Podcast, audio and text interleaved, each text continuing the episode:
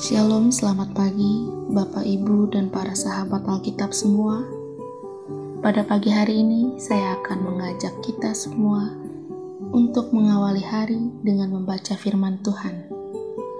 Bapak, Ibu, bacaan Alkitab pada hari ini terambil dari kitab Matius pasal 5 ayat ke-13 sampai dengan 16. Kamu adalah garam dunia jika garam itu menjadi tawar, dengan apakah ia diasinkan?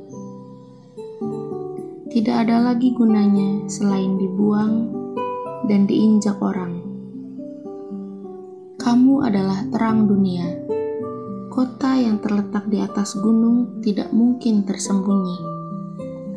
Lagi pula, orang tidak menyalakan pelita lalu meletakkannya di bawah gantang melainkan di atas kaki Dian, sehingga menerangi semua orang di dalam rumah itu. Demikianlah hendaknya terangmu bercahaya di depan orang, supaya mereka melihat perbuatanmu yang baik dan memuliakan Bapakmu yang di surga. Demikian pembacaan Alkitab kita. Tema renungan kita saat ini adalah perlihatkan perbuatan baikmu. Sahabat Alkitab, sebagai orang Indonesia yang masih kuat mempertahankan nilai-nilai budaya ketimuran, tentu kita agak merasa risih jika diminta untuk menunjukkan perbuatan baik kita kepada orang lain. Mungkin hal itu membuat kita merasa malu dan takut dianggap sombong atau pamer kebaikan untuk mendapat pujian masyarakat kita belum terbiasa memperlihatkan perbuatan baik sebagai kebaikan yang kita miliki.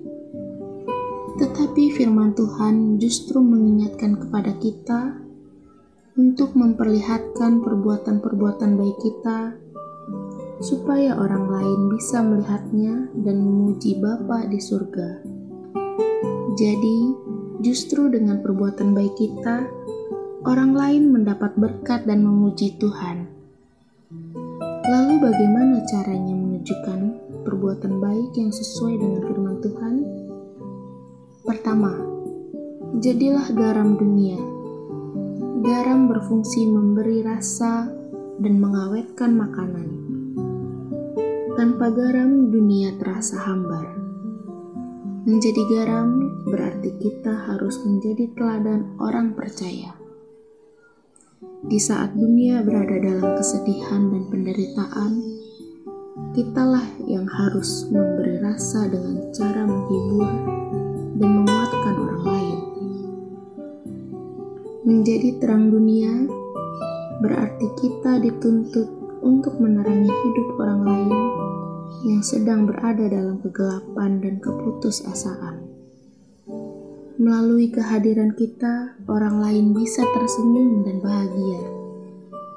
Sahabat Alkitab, menjadi terang dan garam dunia tidak harus menunggu kita bahagia dan sukses dulu. Menolong dan menguatkan orang lain tidak harus menunggu kita menjadi hebat dan kaya. Tidak, menjadi terang dan garam dunia dapat kita lakukan mulai saat ini sebab kita sendiri sudah digarami dan diterangi oleh firman Tuhan. Jadi tidak ada alasan untuk menolak menjadi garam dan terang.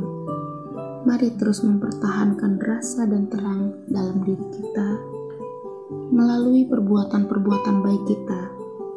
Jangan ragu menunjukkan kebaikan-kebaikan kita, supaya orang lain melihat perbuatan kita dan memuji Bapa di surga. Salam Alkitab untuk semua.